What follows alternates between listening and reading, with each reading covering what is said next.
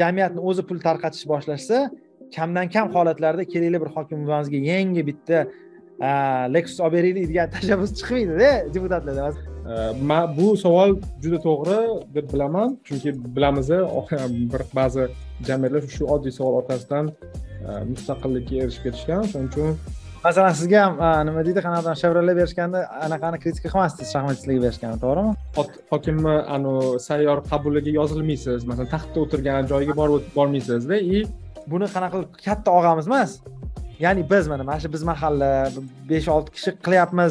Off the record gap bor u off the record podkast ya'ni off the record podkast bor. Ya'ni u hech qayerda publish qilinmaydi hech qayerda chiqmaydi. Chiroqchigami ko'pchilik e, qashqadaryoni ko'p ishlatasiz mayli ishlatishda davom etaylik. Aqsh prezidentini vakolati ko'pmi kammi? Bilmayman. Nimaga nisbatan vashingtondagi uchastkavoy ishdan hayda oladimi yo'q hayda olmaydi. Lekin э, masalan urush ocha oladimi balki ocha oladida ya'ni pinpoint qilmaydi. Ya'ni masalan bu muammomizni ildizi markazlashuv demaymizda u deymiz bu deymiz bu insofsiz u insofsiz hamma insofsiz bitta kimdir yaxshi lekin ular shashlik yeyish uchun yoki anavi diskoteka qurish uchun emas. Assalomu alaykum hurmatli tinglovchilar. O'zbek economics podkastining navbatdagi epizodiga xush kelibsiz. Siz bilan har doimgidek men botir qobilov va va men behzod hoshimov. Assalomu alaykum botir aka. Va alaykum assalom behzod qalaysiz yaxshimisiz? Xudoga shukur rahmat. Qalay o'zingiz? Rahmat sizni ko'rib turgandan xursandman. Navbatdagi epizodimizni yozishga vaqt kelib qolibdi.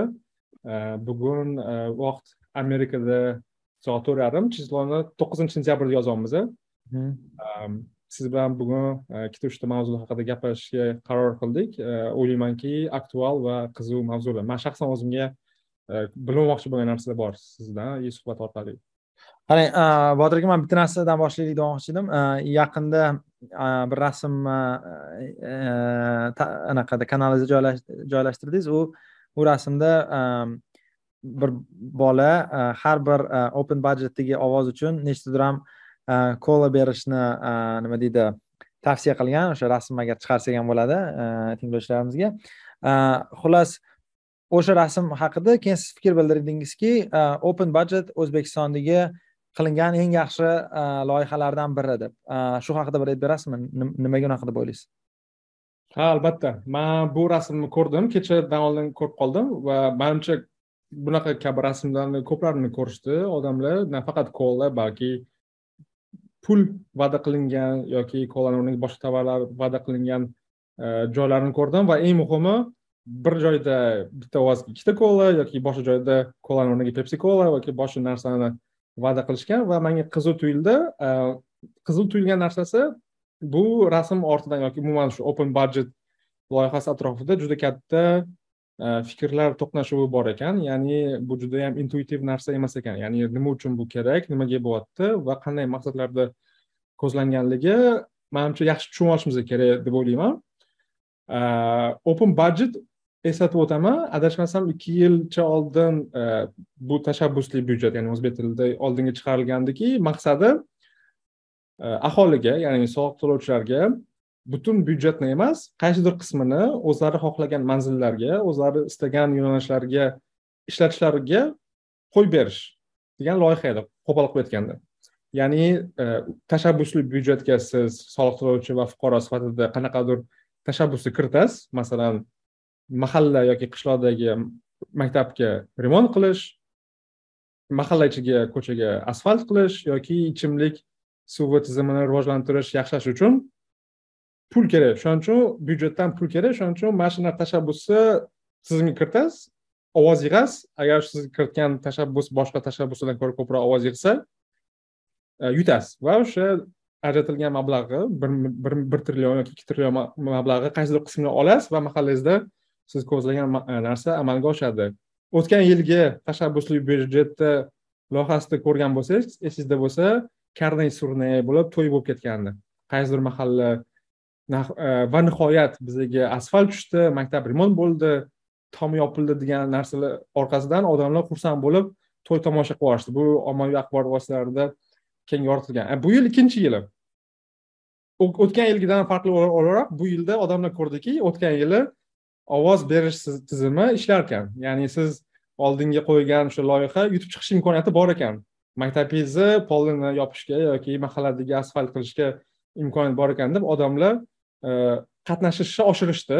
Ya'ni qanday bo'lsa ham ovozni yig'ishga harakat qilishdi. Man ko'ryapman suhbatlarda ham e, ijtimoiy tarmoqlarda ham e, qishloqda mahallada odamlar pul tashlashib panetdan yangi nomer ochib o'sha e, ovoz berish yoki siz aytgan rasmdagi kabi yosh bolalar shkolalarni taklif qilib mahallamdagi qanaqadir maktabni tuzatishga yoki qanaqadir o'sha muhim bo'lgan hayot uchun muhim bo'lgan loyihalarga pul ajratilishini xohlagan odamlar shunday usullardan foydalanishyapti.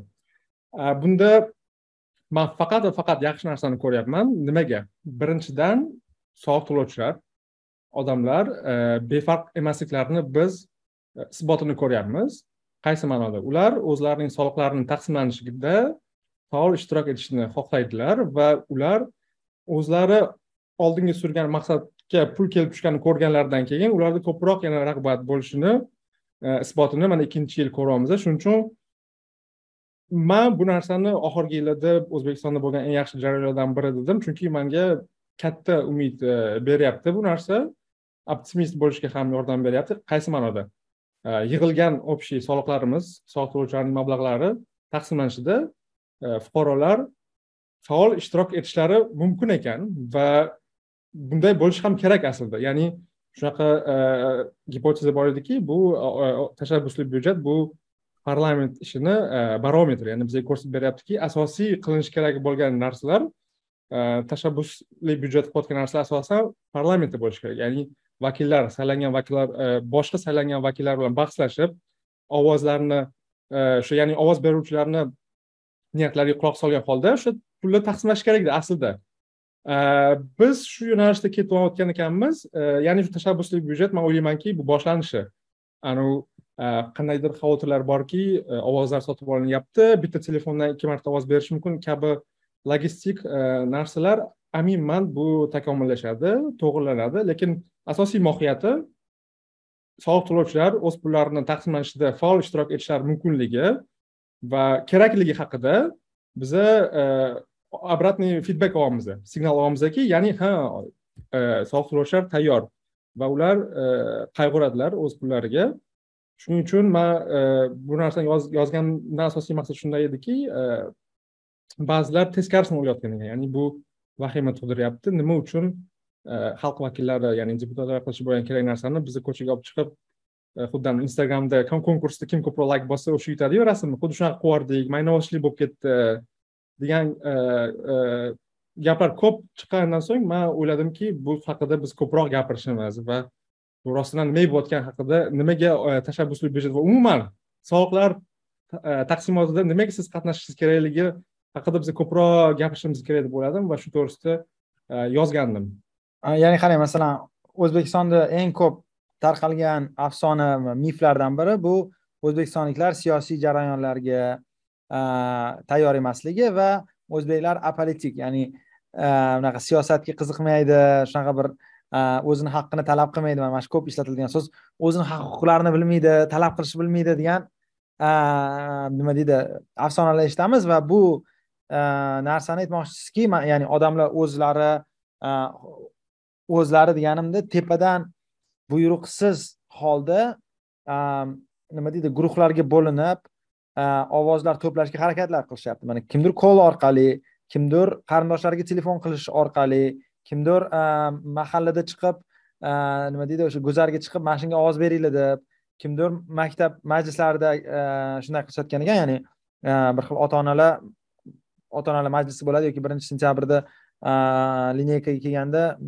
nima deydi birinchi dars kuniga o'sha yerda ham aytishayotgan ekan masalan maktab Ehm, qurilishiga ota onalar iltimos ovoz beringlar. Chunki shu ovozinglar orqali maktabimiz e, quriladi e, degan hikoyalarni hammamiz eshityapmiz demak o'zbekistonliklar fundamental darajada avstriyaliklar yoki amerikaliklar yoki avstraliyaliklardan ehm, farq qilishmaydi. Ular ham maktablari e, ta'minlanishni ta'minlanishini xohlashadi va ular ham siyosiy jarayonlar orqali masalan ovoz berish orqali shu narsani ta'minlashga qodirlar va xohlaydilar. Ya'ni parlament tashkil bo'lmaganini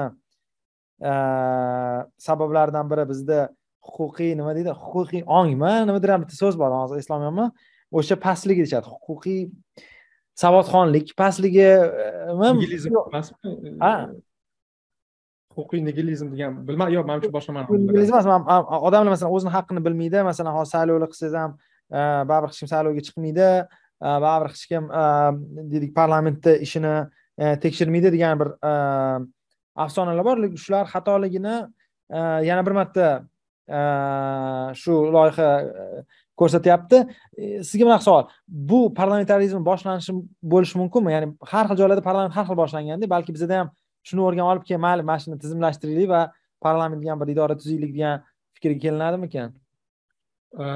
Yaxshi savol. Shu manimcha yozganimda ham yoki shu to'g'risida o'ylayotganda ham ichimda ham shunday fikr keldi rostdan ham shu bizdagi parlamentarizmni balki e, eng boshlang'ich nuqtasi deyolmayman albatta. Lekin shu qandaydir bir e, katta turtki e, bo'ladi deb aminman. Chunki albatta shu siyosiy iqtisodiy qaysi mamlakatlarda parlament qanday boshlanishi masalan manda juda katta tushuncha mavjud emas. Lekin intuitiv ravishda biza bilamiz parlament nimaga kerak? Parlament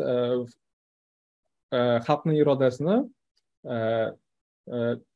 oldinga surgan holda va xalq xohlagan maqsadlarga va xalq xohlagan yo'llarga e, manzillarga pulni taqsimotida faol ishtirok etish. O'sha biz bilgan uchta hokimiyatni eng mustaqil e, biz bilgan uchta hokimiyatni e, eng muhim bog'laridan biri parlament. Aslida insonlar kundalik hayotida eng muhim va day to day deymiz. Ya'ni kundalik hayotda parlamentni o'rni kerak bo'lsa ijro hokimiyatidan ham ko'proq bo'lishi mumkin. Chunki yoki sud hokimiyatidan chunki sudni qarorini hayotda bir zumda ko'rish qiyin lekin siz saylagan deputatingizga telefon qilib e anaqa nimaga man senga ovoz berdim nimaga san man xohlagan narsaga ovoz bermading man ko'rdim san teskari ovoz beribsan deyish xalq xalqda insonlarda anaqa richak bor demoqchiman. Ha man parlamentarizm deganda man nafaqat hozir respublika parlamenti yoki respublika byudjetini bo'lish haqida aytmoqchiman. Aytmoqchimanki har joyda markaz markazsizlashtirish masalan ha albatta.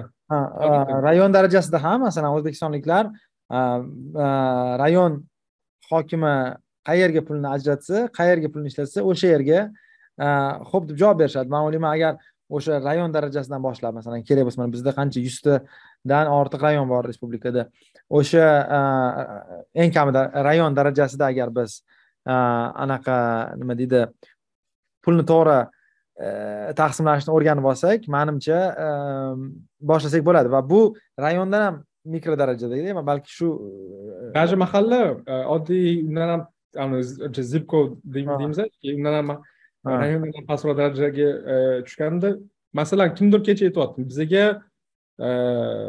maktab kerak emas deyapti. Yoki masalan mirobod tumanida hech qanaqa muammo qolmagan bizaga to'yxona kerak deyapti. Hmm. yoki qaysidir mana kutubxona deylik to'yxona hozir davlat puliga ha kutubxona deyapti bizga kutubxona kerak bizga kitob o'qishimiz kerak kutubxona kerak deyapti mirobod tumanida. Yoki shartli bitta chekka hududda yo bizaga maktabni poliga poliga pul kerak yoki отоплениеga pul kerak deyapti shuning uchun mana bu bahslarni qanday hal qiladi deganda qaysi tumanni hokimi kuchliroq bo'lishi emas balki bu bahs va bu ovoz berish va qandaydir bir subyektiv pul taqsimotidan o'sha e, ya'ni shu subyektiv narsani olib tashlagan holda bu jarayonni parlamentga ko'chirsak balki bilmadim. Aytayotgan narsa baribir respublika parlament darajasidada qani hozir ikkita xalq haqida gapiramiz manimcha. Birinchi darajali masala siz aytayotgan umumiy qozonda pul bor pulni geografik nuqtai nazardan qayerga tarqatamiz? Masalan mirobodgami chiroqchigami ko'pchilik e, qashqadaryoni ko'p ishlatasizmi mayli ishlatishni davom etaylik e, yoki masalan bilmadim xorazm viloyatiga tarqatamiz degan bu birinchi darajali masala. Man aytayotgan narsalar biz masala bundan sal nima deydi ambitsiyasi kamroq lekin kamida quyidagicha. O'sha mirobod tumaniga beriladigan byudjet qismi boru o'shani e, anaqa nima deydi qo'pol qilib aytadigan bo'lsak hokim qanaqa xohlasa ishlatadi? Ya'ni agar hokim xohlasa masalan uni deylik viloyat hokimi kelib tashrif qiladi deb o'ylab asfaltlashi mumkin hokimiyatni atrofini. Xohlasa gul ekishi mumkin masalan bolalar bog'iga. Unga havola. Man aytyapmanki mana shu pulni bor byudjetdan keladigan o'sha hududni rivojlantirishga beriladigan pulni taqsimlashda jamiyat ham qatnashishi kerakda. Chunki ular masalan ixtiyoriy joyga borsangiz hamma narsa muammoda. Maktab ham e, e, remont qilinmagan suv ham yo'q. E, man vodiyni bir ikkita shaharlarga borganman kichkinaroq shaharlarga? E, ichimlik suvi yo'q. Lekin qanaqadir bir bola madaniyat saroyi nimadir e, sport kompleksi quriladida va bilasizki ongli ravishda tushunasizki agar bu yerda xalq ovoz berganda ular albatta suv saroyi bo'lishini xohlashlari mumkin. Lekin kanalizatsiyani birinchi qilib olaylik deyishlari ehtimoli balandroqda o'shanga lekin hokimni deylik optimizatsiya funksiyasi sal boshqacharoq. Chunki uning asosiy maqsadi uni tepadagi odamlar uni qilayotgan ishlarini ko'rinishi ya'ni fizik ravishda ko'rinishiga qaraydi o'shanga ikkita masala ya'ni parlamentni muhimligi birinchidan o'sha geografik tarqalishda pulni qayerga taqsimlaymiz va prioritetlar nuqtai nazaridan masalan harbiylarga qancha pul beramiz rivojlanishga qancha pul beramiz kabi deylik mulohazali masalalarni yechish bu respublika parlamenti masalasi. Ikkinchi masala bu shahar hudud o'sha rayon kabi joylarda tushib bo'lingan pulni baribir nima deydi hokim taqsimlaydi. Bizni qiziq taraf qanaqa? Byudjetga kiritish degan narsa bor. Hokim keyingi yilgi byudjetga loyiha sifatida mana mana shu yerda rayonni nimadir qilamiz deb byudjetga kiritadi va u qabul bo'lsagina u pulini oladida man o'ylaymanki shuni e, o'zgartirish kerak. Buni e, hokim kiritish kerak emas. E, bizda ham hokim kiritmaydi ya'ni de facto. Hokim kiritadi. De yure o'sha e, kengash kiritadi. O'sha e, kengashga haqiqiy e, rolni berib va hokimni o'zini o'sha funksiyasi ya'ni kengash bergan byudjetni taqsimlash ya'ni o'sha ko'chani remont qilish hokimni zimmasida. Lekin kengash so'rab oladi kimga remontga berding qancha pulga. Bizda hamma narsa toshkentdagi kabinetlardan nima deydi boshqarishga harakat qilamizda va parametrlarni yozib chiqib olasiz masalan qarangda mana pulga kelganda ham moliya vazirligi ko'p hokimiyatlar bilan bir konfliktga kirdi ana qimmat moshina olmanglar deb yoki hamma olayotgan narsalarni davlat xaridlari orqali bo'lsin deb. Yoki shu kabi markaz va hudud orasidagi anaqa nima desam ekan qarama qarshiliklardek ko'rinyaptida. Lekin fundamental ravishda bu o'sha hududdagi aholini qarama qarshiligida agar masalan hudud byudjetini hudud taqsimlaganda moliya vazirligidan gap eshitguncha e, jip olish kerak emas. O'sha hududdagi deputatlar hokimni qonun ichishi kerakda. Nimaga masalan e, hokim e, o'ziga deylik land cruiser olyapti vaholanki o'sha ichimlik suvi hali ta'minlamagan balki hokimga moshina olish ham kerak emas. Balki hokimiyatga ham moshinani sotib olamizda evaziga maktabni tomini remont qilamiz. Shu kabi diskussiyaga olib kelishi mumkinmikin deb o'ylayapmanda open budget.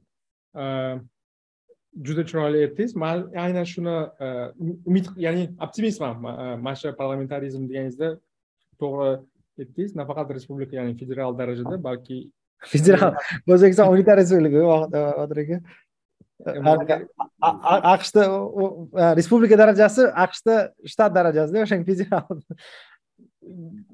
To'g'ri to'g'ri. Ba'zida ba'zida ingliz tilida so'zlarni qo'shib yuborganim uchun avtomatik ravishda e, federal deyordim o'shaning uchun boya ham e, zip kod deb ketib qoldi. ya'ni siz aytgan gap o'sha mahalliy daraja e, respublika darajasida emas balki mahalliy darajaga tushganda siz aytayotgan o'sha kengashda ham aslida bu manimcha boshqa mavzu lekin shu kengashda hokim rais bo'lib o'tirishi va shu kengash o'zi kengash kengash a'zosi bo'lishi ham o'zi juda yam katta kengash a'zosi bo'lishi ham problematik masalan biz bilamiz rivojlangan mamlakatda masalan massachusets shtatida hozirgi hokim kengashdan chiqqan ya'ni lekin kengash a'zosi bo'lishi gubernator kengash a'zosi bo'lgan lekin hozir bitta paytda olib o'tirgan shu siz aytgan narsa pul taqsimlanayotganda yoki ijrosi bo'layotganda e, shu kengashdaglar hokim aytgan narsani qo'llab quvvatlab imzolab berish emas balki aksincha hokimni e, so'roqqa tutib turadigan organ bo'lsa e, menimcha menimcha nur ustiga allo nur bo'lardi. Lekin bu masalani ildizi saylovlardami? Masalan hozir man shunga olib kelyotgandim ya'ni именно hozir ko'pchilik aytadiki hokimlarni saylashni boshlashimiz kerak hokimlarni saylash qachon saylov bo'ladi degan to'g'ri savol qo'yadi. Lekin bundan ham muhimroq manimcha bu to'g'risida gaplashgan bundan ham muhimroq savol hokimlarni saylash sayla kim hokimiyatga kelib qolishi emas balki shu hokimiyatga kelganda uni tergab turadigan va uni ijrosini nazorat qiladigan va qandaydir ma'noda uni hisobotda ushlab turadigan organni ham saylash muhimroq deb o'ylayman. Chunki shahar boshqaruvida yoki shu aytgan mahalla boshqaruvida nafaqat anavi menejer balki o'sha menejerni so'roq ushlab turadigan shu korporatsiya to'g'risida gapirsak anaqa sovet direktorov deymiz ya'ni e, direktorlar kengash. xuddi shunaqa kengash mahalla yoki tumanda ham kengash bo'lishi kerakki hokimni e, yollangan vaqtincha xizmatkor hokimni e, tejab turadi tejab emas shu so'zni aytolmayapman tiyib turadigan. Tiyib turadigan vakillarni ham saylash manimcha birdek muhim. Ha man man mana bunaqa e, fikrdaman. Agar deylik markaz ijrochini bersa hududga masalan hozirdagidek lekin hudud o'sha e, ijrochini ishini nazorat qilishga haqqi bo'lsa masalan yoqmasa ishdan haydashga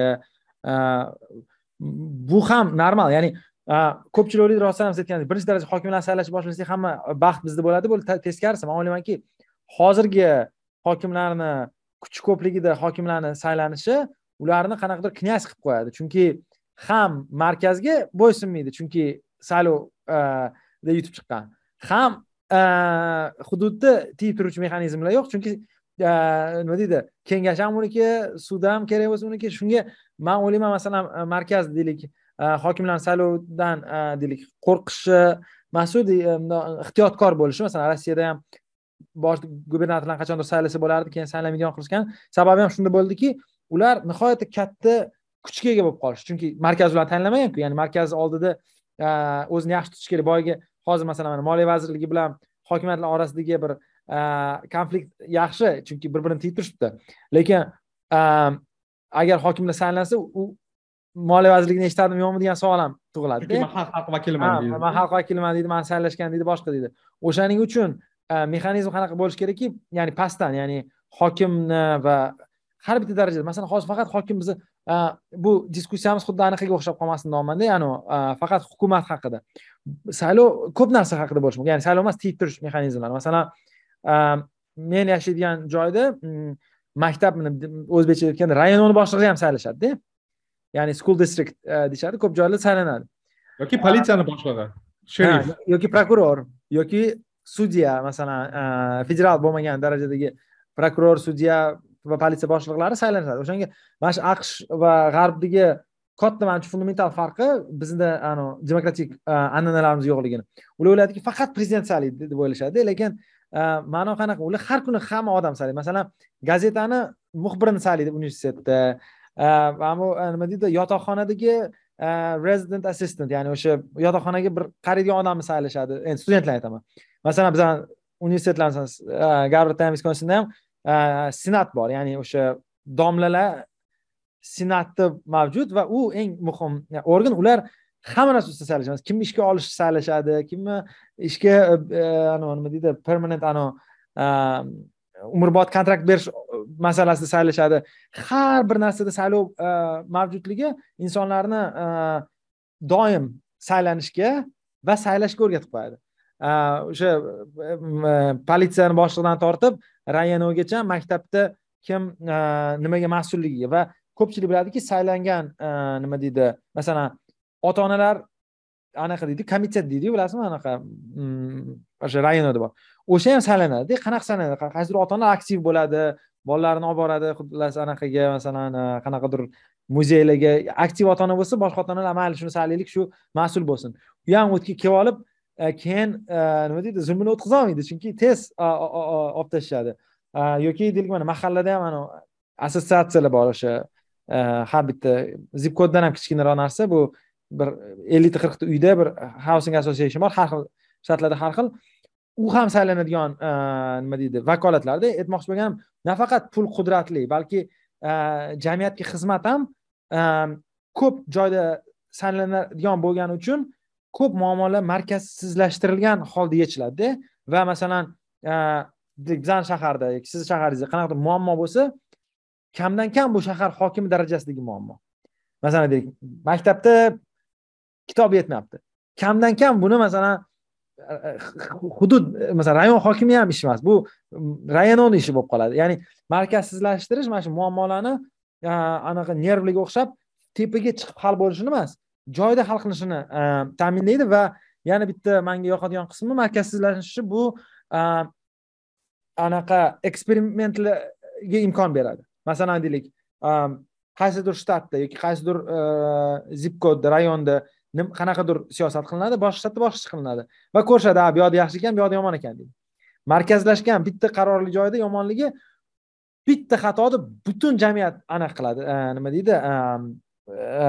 Shikastini ko'radi masalan deylik maktabda qaysidir fanni o'qitish qat'iydir kimnidir yoqadi kimdir yoqmaydi kimdir oyog'i bilan ovoz berib o'sha joydan ko'chib ketadi va bilamiz bu fanni to'g'ri yo noto'g'riligini o'zbekistondagi jamiyatlarda butun maktab programmasini bitta kabinetda hal qilishadida andijondan qoraqalpog'istongacha hamma bolalar bitta narsani o'qishi kerak masalan shu kabi muammolar haqida biz yetarlicha gaplashmaymiz ya'ni meta muammo bor hozir ham open budgetda bu o'zbekistonni o'sha sovet tizimidan ayniqsa kolonial administratsiyadan keyin anavi misli ko'rilmagan darajada hamma qarorlarni markazlashuvi anaqalarda nima deydi hukumat darajasi markazlashuvi va shu markazlashuv ancha nima deydi qancha yengillashsa shunchalik masala deylik osonlab yechiladi deb o'ylaymanda. Shu markazlashtirishda yana bitta anaqasi ham bormi deymanda ya'ni shaxssizlantiradi ya'ni tizim shaxssizlanadi ya'ni siz o'tgan o'sha mahal e, mahalladagi qanaqadir siz mahallangizda qanaqadir muammo chiqsa sizga biz shart emas hokimni ismi qanaqaligi video обращение qilib o'tirmaysiz yoki hokimni anavi sayyor qabuliga yozilmaysiz masalan taxtda o'tirgan joyiga borib bormaysizda и e, mana shu desentralizatsiya deganingizda e, tizimdan shaxslarni yuzi butunlay chiqib ketarmidi deymanda chunki bilmadim mana shu to'g'risida ham manimcha e, shaxssizlantirish e, mana o'zbekistondagi mamlakatlarda e, muammo shundaki o'sha vakolat emas shaxs muhimroq. Ya'ni bir xillarda u ham shahar hokimi bu ham shahar hokimi yoki qaysidir shahar hokimini kuchi ko'proq bo'ladi. Yoki u ham vazir bu ham vazir qaysidir vazir kuchi ko'proq bo'ladi. Lekin markazsizlanish bilan shaxssizlanish hozir orasida bog'lanishi hozir e, yaxshi bog'lolmayman to'g'risi. Qanaqadir bir misol keltirib ko'rasizmi? Masalan e, o'sha sentralizovanno boshqariladigan hudud yoki tizimda e, qandaydir muammo bo'lsa birinchi bo'lib ya'ni bu insonga aralashtirmasak masalan daraxt chopilyapti qo'pol daraxt chopilyapti ya'ni qaysidir shaxs shunga aralashmasa muammo hal bo'lmaydi yoki qandaydir qoidabuzarlik bo'ldi bu sentralizованный qo'lda boshqariladigan tizim mahalla darajasida tuman darajasida o'shani qo'l e, tepadan boshqaradigan o'sha ishchi aralashmasa muammo hal bo'lmaydi degan tushuncha shu siz aytgan mavjudmi deymanda agar mikro darajada qarorlarni qabul qilishga yo'l qo'yilsa siz aytgandek o'sha qaror qabul qiluvchilarda qayta saylanish saylanmasligi rag'batda bo'lganda bilmadim. Mana shu mana shu mana shu tomondan bog'lamoqchi agar bunaqa bog'laydigan bo'lsa unaqa deb o'ylash mumkin. Qarang masalan deylik daraxt kesilish muammosi bor a yoki masalan daraxt ekilmaslik muammosini bilmayman ixtiyoriy muammoni tanlaylik. Nima uchun deylik markazsizlashgan markazsizlashgan joylarda bu narsa markaziy muammosi emas. Chunki markazda vakolati ham mas'uliyati ham bu narsada yo'q. Masalan shahar yashillashtirishda ham kamdan kam shaharda imkoniyatlari imkoniyatlar bor deylik g'arbiy shaharlarda. Chunki o'sha yashillashtirish darajasi o'sha ko'cha yoki juda kichkina bir mikro hudud e, darajasida hal bo'ladi. Va e, nima desam ekan hozir qanaqadir misol o'ylab topish kerakki chiroyli bo'lishi masalan masalan deylik maktab. Mayli mana shu ekinlarni aytavringlarda mana bizada deylik qaysidir yashaydigan rayonni oldiga ekinlarni chiroyli ekilishi zo'r bo'lsa u shahar hokimini deylik yaxshi ishlagani uchun deb o'ylashmaydi odamlar. Lekin buni teskari tarafi ham bor. Kir bo'lib yaxshi ekilmasa o'sha gullar u ham shahar hokimini aybi deb o'ylamaydi chunki hokimi borib to'g'irlab kelishi kerak degan tushuncha bo'lmaydi tushuncha yo'q chunki o'sha yerga mas'ul odamni biz bilamizda ya'ni biz bilamiz o'sha ofisni ya'ni o'sha deylik man ishlaydigan joy g'alati shahar ichida qishloq deyiladi. Village. Uni ham u soliq uchun qilingan anaqa narsayu. Lekin e, e, aytmoqchi bo'lganim o'sha o'sha deylik qishloqdagi bir muammoni hal qiladigan ofisni bilganimiz uchun biz shahar asosiy shahardagi deylik hokim bu narsaga na mas'uliyati bor na vakolati bor. O'shanga e, nimadir yaxshi bo'lsa e, hokimdan nimadir yomon bo'lsa ham hokimdan deb o'ylamaymizda. Ya'ni nimadir yaxshi bo'lsa o'sha spetsifik masala nimadir yomon bo'lsa o'sha spetsifik masala. O'shanga e, mana shu markazsizlashgan mamlakatlarni yaxshi tarafi va ko'p deylik rivojlanish uchun yaxshiligi va qiyinchiliklarga yaxshiroq dosh berishi mahalliy darajada iqtisodda bilamiz informatsiya ko'proqda asimetrik ham o'zbekistondagi markazlashgan mamlakatlarda juda yam iyerarxik bo'lgani uchun informatsiya tepaga sekin boradi bilsam muammolari ko'rilmaydi. Ikkinchidan nima desam ekan hamma narsa yaxshi ham yomon ham bitta ofisdan ko'riladida ya'ni masalan bu narsada hokim aybdor bo'ladi masalan toshkentda daraxt kesilsa ham ekilsa ham. Chunki anaqa borku anavi nimada great mind fallacy ingliz tilida borku ya'ni bitta inson yoki o'sha svetga iyerarxiyani tepasida o'tirgan inson barcha ma'lumotlar mikro darajadagi ma'lumotlarga ega va ega boshdan tashqari o'sha ma'lumotlarni juda tez tahlil qiladi deb o'ylaydi tahlil qila oladi degan prezumpsiya bor tagida to'g'rimi? Lekin biz bilamizki bu ha bu bu afsonada bu bunaqa ishlamaydi. Shuning uchun mana qarang mana man aytib beruvdim toshkentda masalan yugurganimda har doim anavi suv toshib ko'chalar suv bo'lib ketadi fontanlar yoz yozda fontanlar anaqa qilmaydi shahar suvga to'la vaholanki respublikada juda ko'p joyda ichimlik suvi muammo. Normal jamiyatda bunaqa narsa bo'lmasdi. Lekin mana shu muammoni yechish uchun o'zbekistonda qaysi darajadagi murojaat qilishingiz kerak? Mana man o'shani abdulla qodiriy ko'chasida ya'ni sizni mahallangizda ko'rdim buni. Но o'sha abdulla qodiriydagi mas'ul shaxslar bu bilan shug'ullanmaydi respublikadagi там hudud suv ta'minotiga borgin deydi agar desa.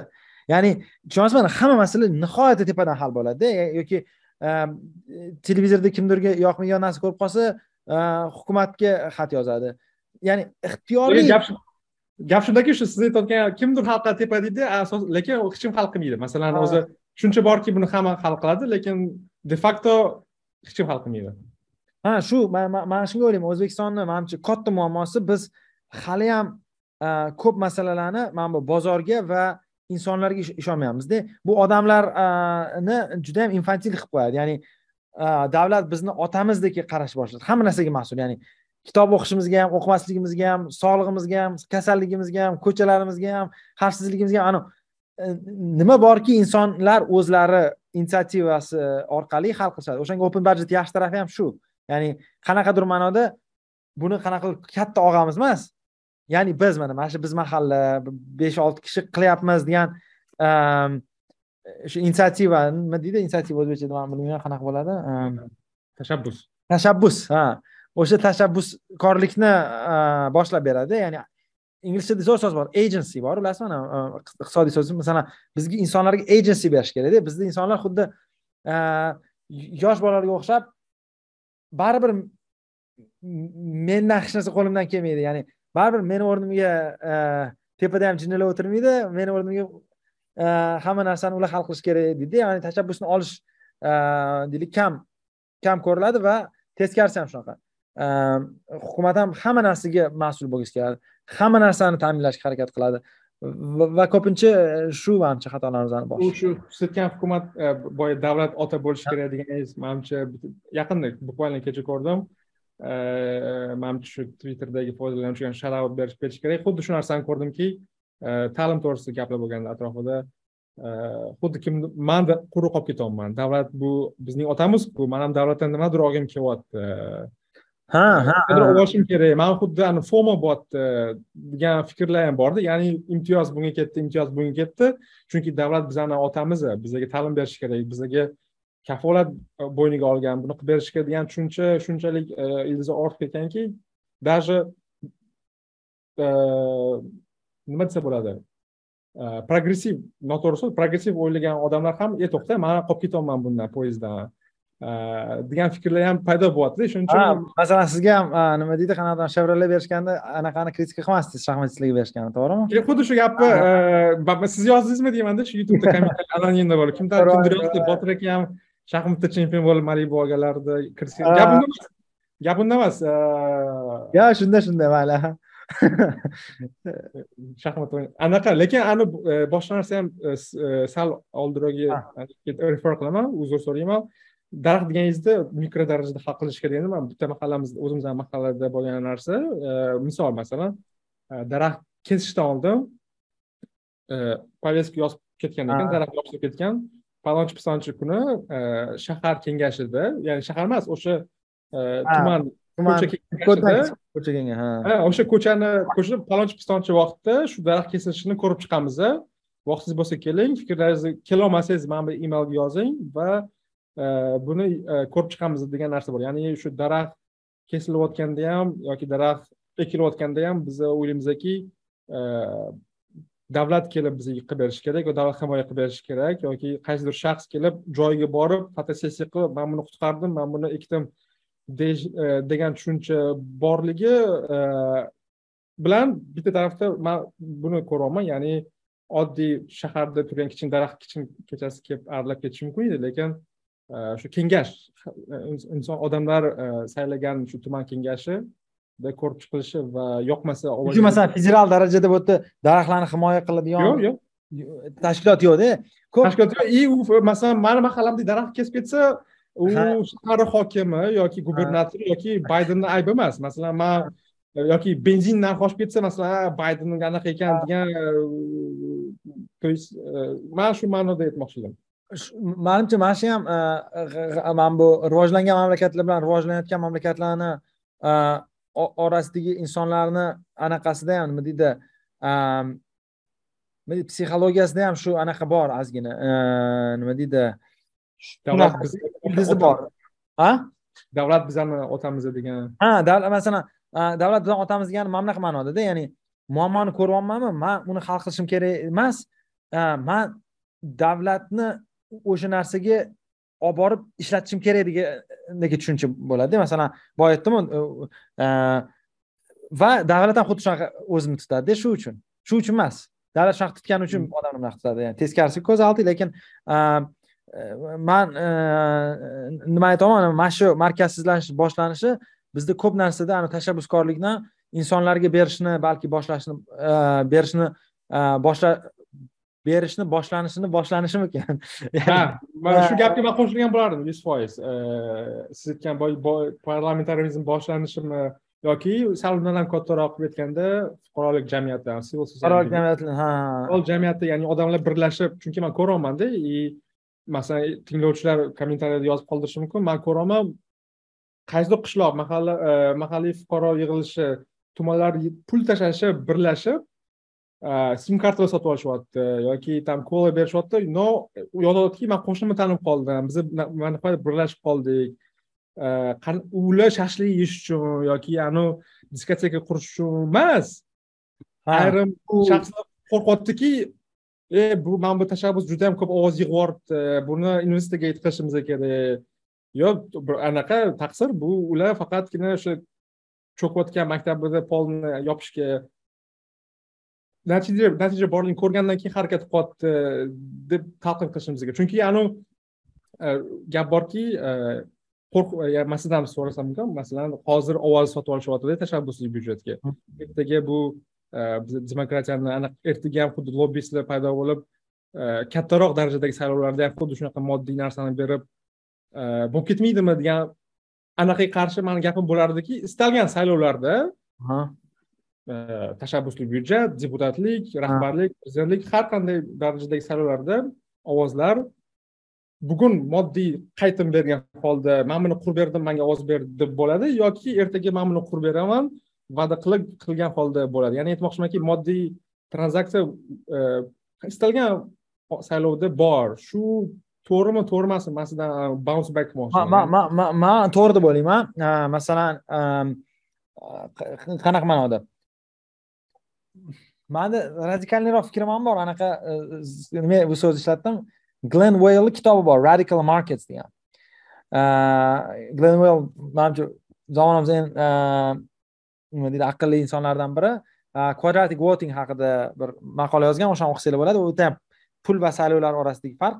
Saylovlardagi pul kerak degan fikr ham u yerda bor. U haqida ham bir gaplashsa bo'ladi. Lekin fundamental ravishda insonlarni saylovga olib kelish uchun qanaqadir rag'batlar berish yoki o'sha o'zini partiyasiga olib kelish uchun qanaqadir rag'batlar berishda man e, hech qanaqa bir yomon narsa ko'rmayapman. Masalan e, deylik man o'sha partiyani a'zosi bo'laman manga evaziga kola berishadi va o'sha partiya keyin qanaqadir ovoz berib qanaqadir yaxshi narsalar e, qiladi ayniqsa ochiq bo'lsa bu.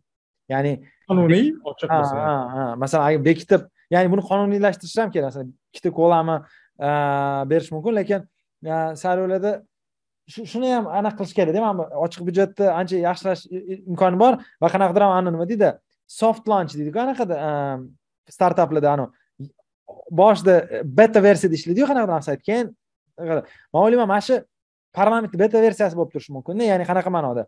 Hozir ehm, e, yildan yilga masalan agar ehm, nima deydi imkon bo'lsa o'sha ochiq byudjetga tarqatilayotgan summalar ko'payib borishi kerak. Masalan byudjetni kichkina qismi emas kattaroq qismi. Va ani hokimni qismi kamayib borishi kerak bularni qismi ko'payib borishi kerak. O'shani natijasida balki ani tez platformadan platformaga o'tib olamizda.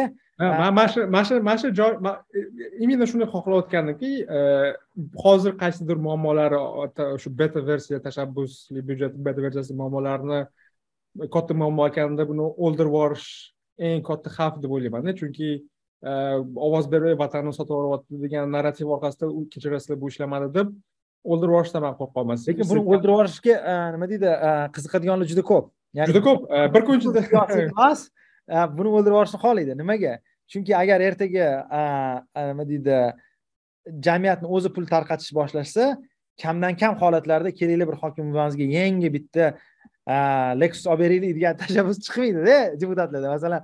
Chunki ular saylov o'tish kerak. Saylov o'tmoqchi bo'lsa masalan o'sha land cruiser sakson ming dollar turadi. Nima qilamiz hokimga sakson ming dollarga moshina olib berib undan ko'ra bilmadim sakson ming dollarga qancha maktabni remont qilsa bo'ladi deydi. Yoki va hokazo va hokazo. Ya'ni aytmoqchi bo'lganim shu e, logika boshlanarmikan anavi tasodifmi tasodif emasmi bilmadim. Mana shu gapni anaqa teskarisini yarim soat bir soat oldin ko'rib qoldim internetda biz aytayotgan hokimlar vakolati kamayib qolarmidi natijada deganda bittasi chiqib aytdiki teskarisi yo'q hozir hokimlarni vakolati shunaqa ham kam undan ham ko'paytirishimiz kerak. Yo'q man o'ylayman endi nimaga nisbatan? Kamda ya'ni man o'ylaymanki man xohlagan man xohlagan deylik jamiyatda hokimlarda ham deputatlarda ham kengashlarda ham tiyib turuvchi mexanizmlar borligi. Ya'ni vakolat ko'p kamligi hamchi qanaqadir e, noto'g'ri e, diskussiya anaqasidada. Masalan bir tomondan qarang. Masalan masalan hozir qanaqadir bir misol keltirmoqchiman. Aqshda kimda vakolat ko'proq? Masalan deylik. Sud sudya ha sud yo'q yo'q man aytmoqchi ijro hokimiyatida masalan kimda vakolat ko'proq lekin mana mana bunaqa deylik. Aqshdagi deylik soliq idorasida juda vakolat ko'pda masalan o'zbekistondagi soliqchilardan ham ko'p bo'lishi mumkin ko'p masalada lekin e, ularni vakolatini cheklashi ularni insofiga bog'liq emasda sudga bog'liq. Ya'ni yoki yoki masalan politsiyada ham. Vakolat juda ko'p. Aqshda masalan to'xtatsa e, arest qilishga haqqi bor boshqa boshqa narsalari borda. Anavi e, nima deydi vakolat ko'p qanaqadir ma'noda. Lekin o'sha vakolatini suiiste'mol qilmaslikka bo'lgan mexanizmlar mavjudligi. Bizda esa hamma narsani biz regulyatsiya qilgimiz keladi mana shu yana meta komment bilasizmi? Sud haqida ham markazlashuv haqida hamda. Biz jamiyatni aniq boshqargimiz keladi. Markazda qanaqadir aqllilar o'tiradida hamma narsaga guideline ya'ni qoidalar yozib chiqadi.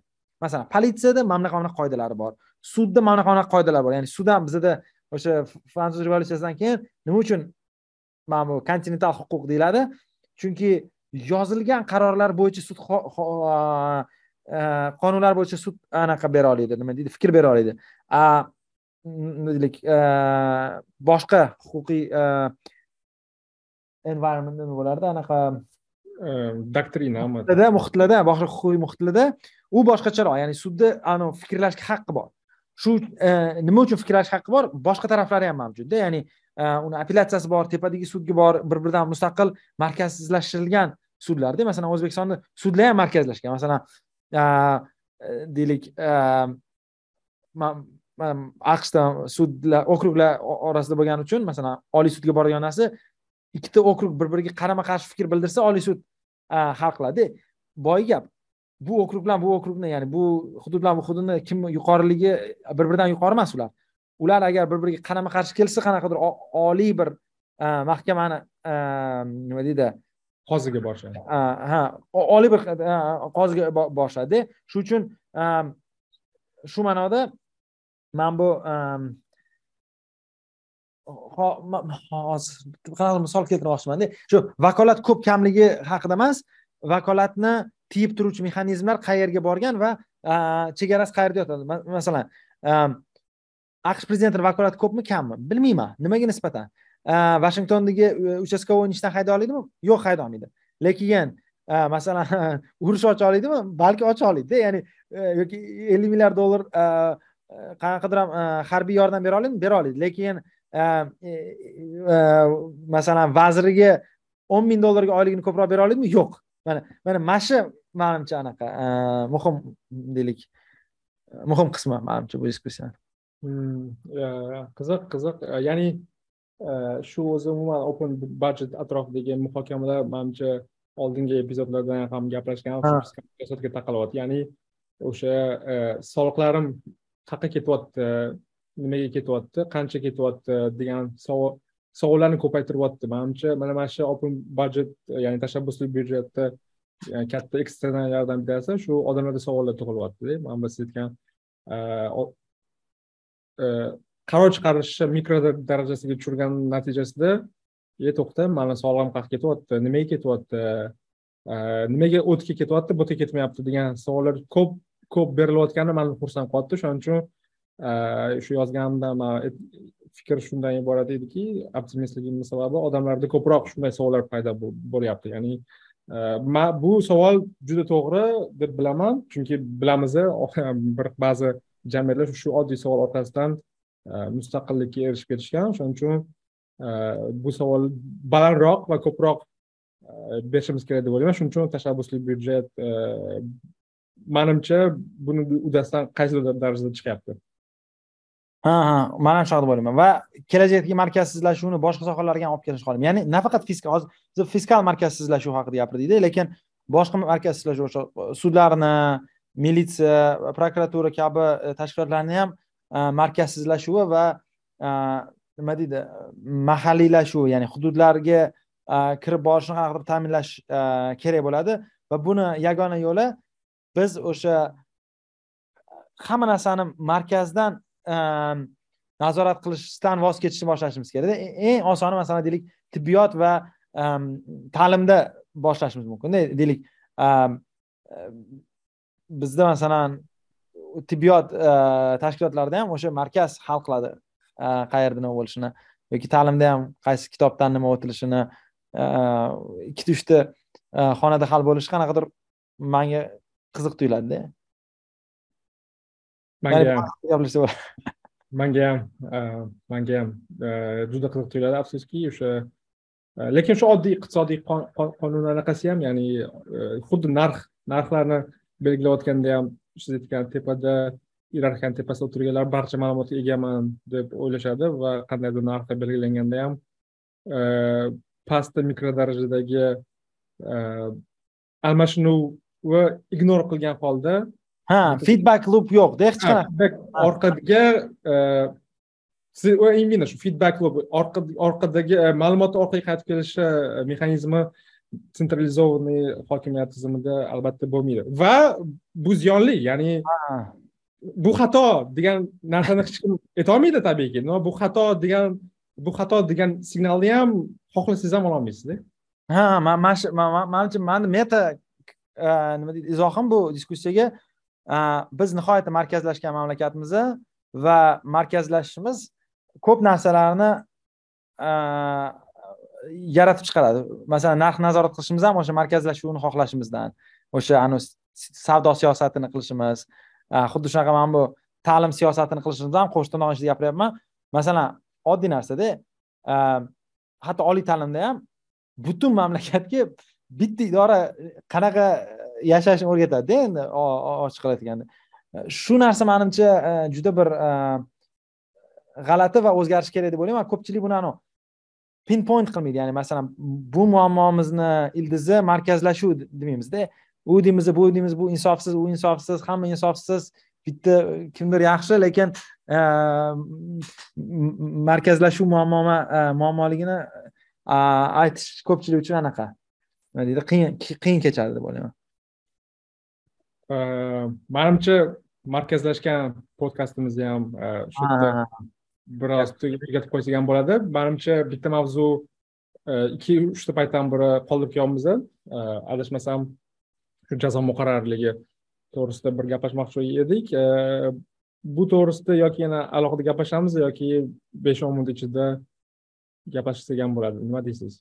Ha man o'ylayman shu e, jazo muqarrarligi haqidagi diskussiyani siz e, twitterda yozishni boshladingiz sababi ehm, juda bir mudhish ehm, voqealar ehm, sodir bo'ldi. Bu ayollarga nisbatan zo'ravonlik mavzusidan kelib chiqdi. Shu o'rinda nima uchun deb o'ylaysizki ko'p jinoyatlarni takrorlanishini sabablaridan biri bu jazoni muqarrar e, bo'lmagani. E, jazo muqarrarligi deganda ko'pchilik o'ylaydiki e, jazo sodir bo'lgandan keyin u jazosini oldiku mana jazo muqarrarku nima deyapsan yana degan savol tug'ilyaptida. Masalan e, mana e, trup bor unga o'n yil o'n besh yil beriladi yana nima qilyapsan? Kimnidir kimnidir o'ldirayotganda buni bilib turib qilganku degan savol ko'p yangradi va biz bilamiz shu jazoni qancha qattiq qattiq qattiqlamasligi bu shu jazo qilgan odamni jazolash uchun emas balki shu jazo qilmoqchi bo'lgan odamni shu jazo qilmaslikdan tiyib turish e, to'g'ri so'z aytayotgan tiyib turishni e, kafillaydigan narsa ya'ni mana shu narsa muhim deb o'ylayman. Ya'ni shu siz aytayotgan keys e, ikki uch hafta oldin bo'lgandi. Balki bu bu haqida ataylab hozir gapirish kerak chunki ozgina shumixa tugadi. Lekin bu muammo aktual va judayam e, bizani jamiyatda ildiziga kirib ketgan ya'ni qanaqadir keys bo'lganda ko'tarish kerak emas balki har kuni kundalik ravishda bu to'g'risida gapirish kerak bu ham bo'lsa domestic violence ya'ni oilaviy mojaro yoki maishiy maishiy maishiy zo'ravonlik natijasida nafaqat ayollar bolalar nafaqat ayollar balki bolalar va ba'zida erkaklar ham bundan to'qnashadilar man aytmoqchi bo'lgan narsa ozgina e, qarab chiqsam domestic violence ya'ni o'sha e, uy mojarosi toifasiga kiradigan huquqbuzarlik e, ya'ni huquqbuzarlik hisoblamas ekan ya'ni kriminalizatsiya qilinmagan ekan ba'zilari. Mana mana shu narsa mani ozgina hayron qoldirdi и ko'pchilik buni atrofida o'yladiki asosiy muammo bu ayollar huquqi himoyalanmaganligi va jamiyatda ayollar huquqi shunchalik past jamiyatda ayollar o'rni shunchalik past bo'lib ketganligi deb aytishyapti va buni yechimi sifatida ba'zi yechimlarni keltirishyapti masalan broshura qilishimiz kerak bukletlar qilishimiz kerak televizorlarda успешный yoki masalan qandaydir yutuqqa erishgan ayollarni ko'rsatishimiz kerak yoki qanaqadir kabinetlarga kvotalar qilishimiz kerak yoki qanaqadir targ'ibot ishlarini olib borishimiz kerak mahallada. Televizordan tekin bo'lishi kerak magistraturada. Ha magistraturaga ayollar uchun o'qish tekin bo'lishi kerak degan yoki maktab darsliklarida ayollar to'g'risida ko'proq yozish kerak. Va umuman bu masala gender tengsizligi degan e, rakurs orqali kelinyapti va man xohlardimki bu undan ham kattaroq muammo. Ya'ni bu inson e, huquqlari ya'ni e, ya'ni aytmoqchimanki qanaqa to'g'ri aytsam bo'ladi bu именно ayollar muammosi deb biza shu ayollarni qanaqadir marginalizatsiya даже tilim aylanmay marginallashtirish bo'ladi. Marginallashtirish bilan shug'ullanyapmizda de. Facto bu ayollarni muammosi. Ayollar o'qishga kirolmayapti ayollar ishga kirolmayapti ayollarni o'ldirishyapti degan muammoni tagida e, biza ularni himoya qilamiz degan maqsadda yaxshi niyat bilan harakat qilingan ba'zi yo'llar masalan broshuralarni qilish bu man teskari effekt beradi yoki umuman foydasi yo'q deb o'ylayman chunki e, bu yerda propagandani kam narsaga foydasi bor ayniqsa umuman istalgan narsaga propagandani foydasi bor ya'ni o'ylaymanki naоборот eng oson yechim va ya'ni yalqov yechim e, qo'shnichilik gapiryapman yalqov yechim nimadir qildikku mana broshura tarqatdik shuncha kino oldik mana suvni tejasini yoki emas chunki faqat ayollar to'g'risida emas kecha пешеходda bolalarni e, moshina urib ketibdi biz u broshura beryapmiz yo'ldan o'tish mumkin emas yo'ldan o'tish mumkin emas. Xuddi shu narsaga olib kelmoqchiman aytmoqchimanki e, o'zi muammo undan ham kattaroq. Ya'ni agar biz buni haqiqatdan ham yechmoqchi bo'lsak o'sha oddiy shu jazo muqarrarligini ta'minlangan holda va nafaqat maishiy zo'ravonlik balki shu yo'llardagi terroristlar masalanda xuddi o'sha bitta paytda to'g'ri kelib qoldi. Yo'llardagi anavi masalan qizilda o'tib ketayotgan qizilda o'tib ketgandan keyin bunga ishtirok borku mana emas balki shu jazo muqarrarlik bo'lganda qaysidir ma'noda ya'ni man ministr uchinchi xotiniman yoki man sudyani qo'shnisiman man o'tib ketsam hech narsa qilmaydi man jazodan qochaman degan tushunchani o'zi qolmasligi to'g'risida man ko'proq o'ylagan bo'lardim. Mana shu to'g'risida bilmadim bu mana mana shu anavi boyagi aytgan huquqiy nigilizmga yaqinroq narsada. Nima ma'nodaki e, o'zbekistonda qanaqa harakatlar bilan jazoni orasida korrelyatsiya emas e, kim bilan jazoni orasida korrelyatsiya e, kattaroqda ya'ni harakatlar emas jazo yoki yuksalishga olib keladigan balki teskarisi Э, kimligingiz o'sha yuksalish anaqaga olib kelishi. Э, endi muqarrarlik haqida gapiradigan bo'lsak э, oson model qanaqaki? Jazoni qattiqligi va adolatni o'rin topishini orasida tanlayotgan bo'lsangiz albatta adolatni o'rin topishini ehtimolini balandlashtirish kerak. Lekin u qiyin narsa. O'shanga masalan bir yil Э, emas э, jazo uch yil qilib qo'ysangiz xuddi u uch baravariga jazoni ko'paytirdim deb o'ylaysiz. Lekin de facto e, nima deydi anavi o'sha jazoni qilmoqchi bo'lganlar adolatni muqarrarligiga ko'proq qarashadi jazoni qattiqligidan ko'ra. E, shuning uchun ham masalan jazo muqarrar bo'lgan jamiyatlarda jazoni qattiqligi ham unaqa baland emasda. E, masalan o'sha skandinaviya mamlakatlarini ko'plik keltiradi mana qotillarga ham katta jazo emas yoki o'g'rilarga ham katta jazo emas.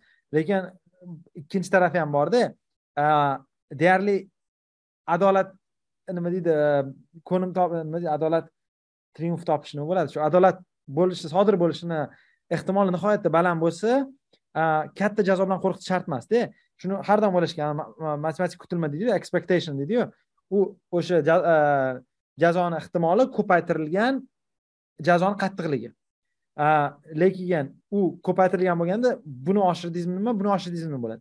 Lekin funksiya qanaqaki? Funksiya mana bu e, ko'paytirilgan demaylik e, jinoyat ehtimoli ikkita parametrga bog'liq. E, jazoni muqarrarligi va jazoni qattiqligi. Ko'pchilik o'ylaydiki bu ikkita bir xil parametr. Ya'ni jazoni muqarrarligini oshirsangiz kamroq bo'ladi jazoni qattiqligini oshirsangiz kamroq bo'ladi. Lekin man aytmoqchimanki jazoni qattiqligini ko'pga oshirsangiz ham jazoni muqarrarligini kamga oshirganingizga teng bo'lib qoladi. Ya'ni e, jazoni muqarrarligini ta'minlash deganda o'sha jinoyatni sodir qiluvchi insonlarni e, orasidagi e, anaqani nima deydi o'sha ehtimollarni ta'minlashda bog'liqda. Qanaqa qilib buni tushuntirsa bo'ladi? Masalan qarang bir xil jinoyatlar bor ularni manimcha siz yaxshiroq bilsangiz kerak white collar crime deyiladi ya'ni ularni tutish qiyin. Ya'ni u yerda adolat topish darajasi kam. Shuning uchun o'ta jazo baland bo'ladi. Bir xil jinoyatlar bor topish juda oson. Masalan e, magazindan narsa o'g'irlab ketish. Shuning uchun ularda jazoni e, baland qo'yish ham kerak. Chunki ehtimol baland juda tutilishini odam magazindan cho'ntagiga narsa olib chiqib ketsa e, ko'pga deylik qamashgan emas lekin buxgalter qanaqadir tryuk qilib turib xuddi magazindagi snikers kabi pulni o'g'irlasa juda katta jazo qilishadi. Sababi nimada? Chunki buxgalterni bu tryukini topish uchun rosa katta resurslar ketadi. Shu nuqtai nazardan o'ylagan bo'lsak mana shu ehm, ehm, nima deydi jamiyatdagi zo'ravonlik boru masalan um-, umuman olganda zo'ravonlik o'shanga nisbatan qat'iy choralar bo'lishi kerak. E, e, ehtimollar nazariyasi nuqtai nazaridan qattiqligini darajasi nuqtai nazaridan emas. Masalan kimdir kimdirni urdimi? Doim jazo ko'rilishi kerakda bizda qanaqa masalan yo san roziman deb qo'y san roziman deb qo'y ya'ni urayotganda ham biladi qanaqa ehtimol bilan bu masala hal bo'lib ketishini. A lekin bilsa bu masala hal bo'lmasligini. Mana shu narsa e, jazoni qanchalik qattiqligidan farqli o'laroq ancha e, tiyilishga olib kelishi mumkin. Lekin umuman olganda aytmoqchimanki e, baribir jamiyatdagi zo'ravonlik bilan daromadlarni ham bog'liqligi borda ya'ni zo'ravonlik ancha tushadi daromadlar ko'paygan ya'ni iqtisodiy taraqqiyot nimaga kerak nimaga kerak deydi. Katta qismi shunda masalan zo'ravonlik kamroq bo'ladi bolalarni kamroq zo'r e, anaqa nima deydi tahdid qilishadi. Ayollarga kamroq e, tazyiq o'tkazishadi. Bu ham hammasi daromadga bog'liq ya'ni juda yam kam e, boy mamlakatlar kamroq nima deydi ko'p zo'ravonlik bor va va teskarisi. Mana shu to'g'risida yaxshi aytdingiz mana shu aynan shu to'g'risida bitta tadqiqotni skrinni ko'rsatamiz ilovasini. Mani magistraturadagi kursdoshim shu haqida ya'ni shu iqtisodiy rivojlanish bilan zo'ravonlik ya'ni ayollarga qarshi zo'ravonlik to'g'risida e, izlanish olib borgan afrikadagi bir mamlakatda eksperiment qilgan holda ya'ni siz aytgan e, iqtisodiy rivojlanish ya'ni ishlarning ish joylarining mavjudligi bu e, uydagi zo'ravonlik ya'ni maishiy zo'ravonlikni ehtimolligini to'g'ridan to'g'ri kamaytirishini o'sha ekonometrik nuqtai nazardan ko'rsatib berdi va o'sha siz aytayotgan meta tushuncha ya'ni iqtisodiy rivojlanish bu jamiyatdagi zo'ravonlikni faqat e, korrelyatsiyasi emas balki haqiqatdan ham e, iqtisodiy rivojlanish natijasida yoki iqtisodiy yoki moliyaviy moliyaviy mustaqillik yoki iqtisodiy mustaqillik e, household darajasida aytyapman moliyaviy va iqtisodiy mustaqillik natijasida zo'ravonliklar kamayar ekan. Shu shu narsa ya'ni faqatgina bu o'ylanish darajasida emas balki bu tadqiqotlar natijasida ko'rsatilgan buni albatta ko'rsatib shuning uchun siz aytgandek jazo bir xil jazolarga ichadiyu o'lim jazosini berishga yoki hmm. yigirma besh yil kesish kerak degan fikrlar bor. Lekin siz aytayotgandek bu narsani anavi o'zgaruvchanni bunisini ko'paytirib qo'yganingiz bilan lekin anavi adolat qaror topishini ko'paytirmasak ya'ni jazo ya'ni jazo muqarrarligini ko'paytirmasangiz anavi detectionni ko'paytirmaysiz. Siz aytgan oq воротничок ya'ni white collar crime biz bilamiz o'ttiz o'ttiz besh foizi umuman manikidek emas qarang maniki anaqa blue maniki ham qora shuning uchun sizga qaradim bizda yo'q ekan bizda qora crime.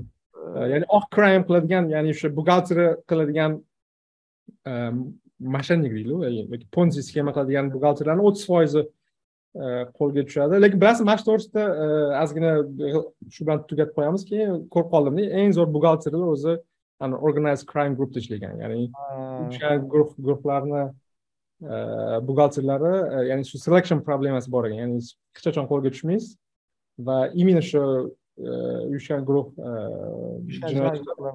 buxgalterlarni yaxshiroq нанимать qilar ekan чем xususiy ya'ni ular o'nlab million dollar berishadida unday anaqa qilish uchun unaqa qo'lga tushmaslik uchun. Qanaqadir bir kino bormidi tadqiqot ko'rdim man. Bu mana shu to'g'risida tadqiqot. Man buni ham qo'shib qo'yamiz ya'ni does mafia hire uh, good accountant deganda ya'ni o'shaning uchun akademiyaga yoki xususiy bozorga borolmaydiganlar uchun uchinchi variant ya'ni haqiqiy yaxshi buxgalterlar mafiyaga ishlaydida tonu ha ya'ni haqiqiy yaxshi buxgalterlar mafiyaga ishlaydi yoki zo'r mafiya yaxshi buxgalterni anaqa qiladi a u qayerdan u treatmentmi selectionmi? Ya'ni yaxshilarni tanlab oladimi yo ular mafiyaga kirgandan keyin anaqalari yaxshilanadi nima deydi chunki qarang mana bunaqada yomon buxgalter bo'lsa til qamalib ketadida. Ya'ni faqat ha bu yerda ha bu yerda anaqa italyan italyan italyanskiy mafiyani qarashganda ya'ni italyanskiy mafiya e, o'ziga yaxshi buxgalter ya'ni selection bu yerda selection asosan manimcha. Ya'ni bokkoniga borsangiz dars bersangiz yarmi mafiyaga ketadi ekanda bilmadim that yaxshi universitetlarda yaxshiligini qanaqa qilib o'lchashgan? To'g'risini aytsam man abstraktni o'qidim har doimgidek. Buni shu lekin uni muvaffaqiyatini ham shu aytgandek detection bo'lgandan keyin bilasiz ya'ni qo'l ko'p o'sha yetmish foiz taxminan yetmish oltmish besh foiz e, moliyaviy firibgarliklar umuman qo'lga tushmaydi va shuning uchun har istalgan tadqiqotda masalan e, o'sha samplni analiz qilayotganda juda katta e, anaqa selection anaqa muammosi bor survival bias ham bor. Ya'ni corporate fraudni juda katta qismi qo'lga tushmay keladi. Shu mana shu qog'ozlar mana shu narsani ham bitta narsa anaqa aytish kerak masalan aqsh iqtisodiy shahariga borib turib o'n ming dollar yo'qotib qo'ydim deb politsiyaga borsangiz ha biling turist o'n ming dollar yo'qotib qo'yibdi deb politsiya anaqa заявлениеңizni oladida borib turib mani kartamdan besh dollar o'g'irladi desangiz eng zo'r detektivlar u keys ustida ishlashni boshlaydi. Hmm, shunaqa.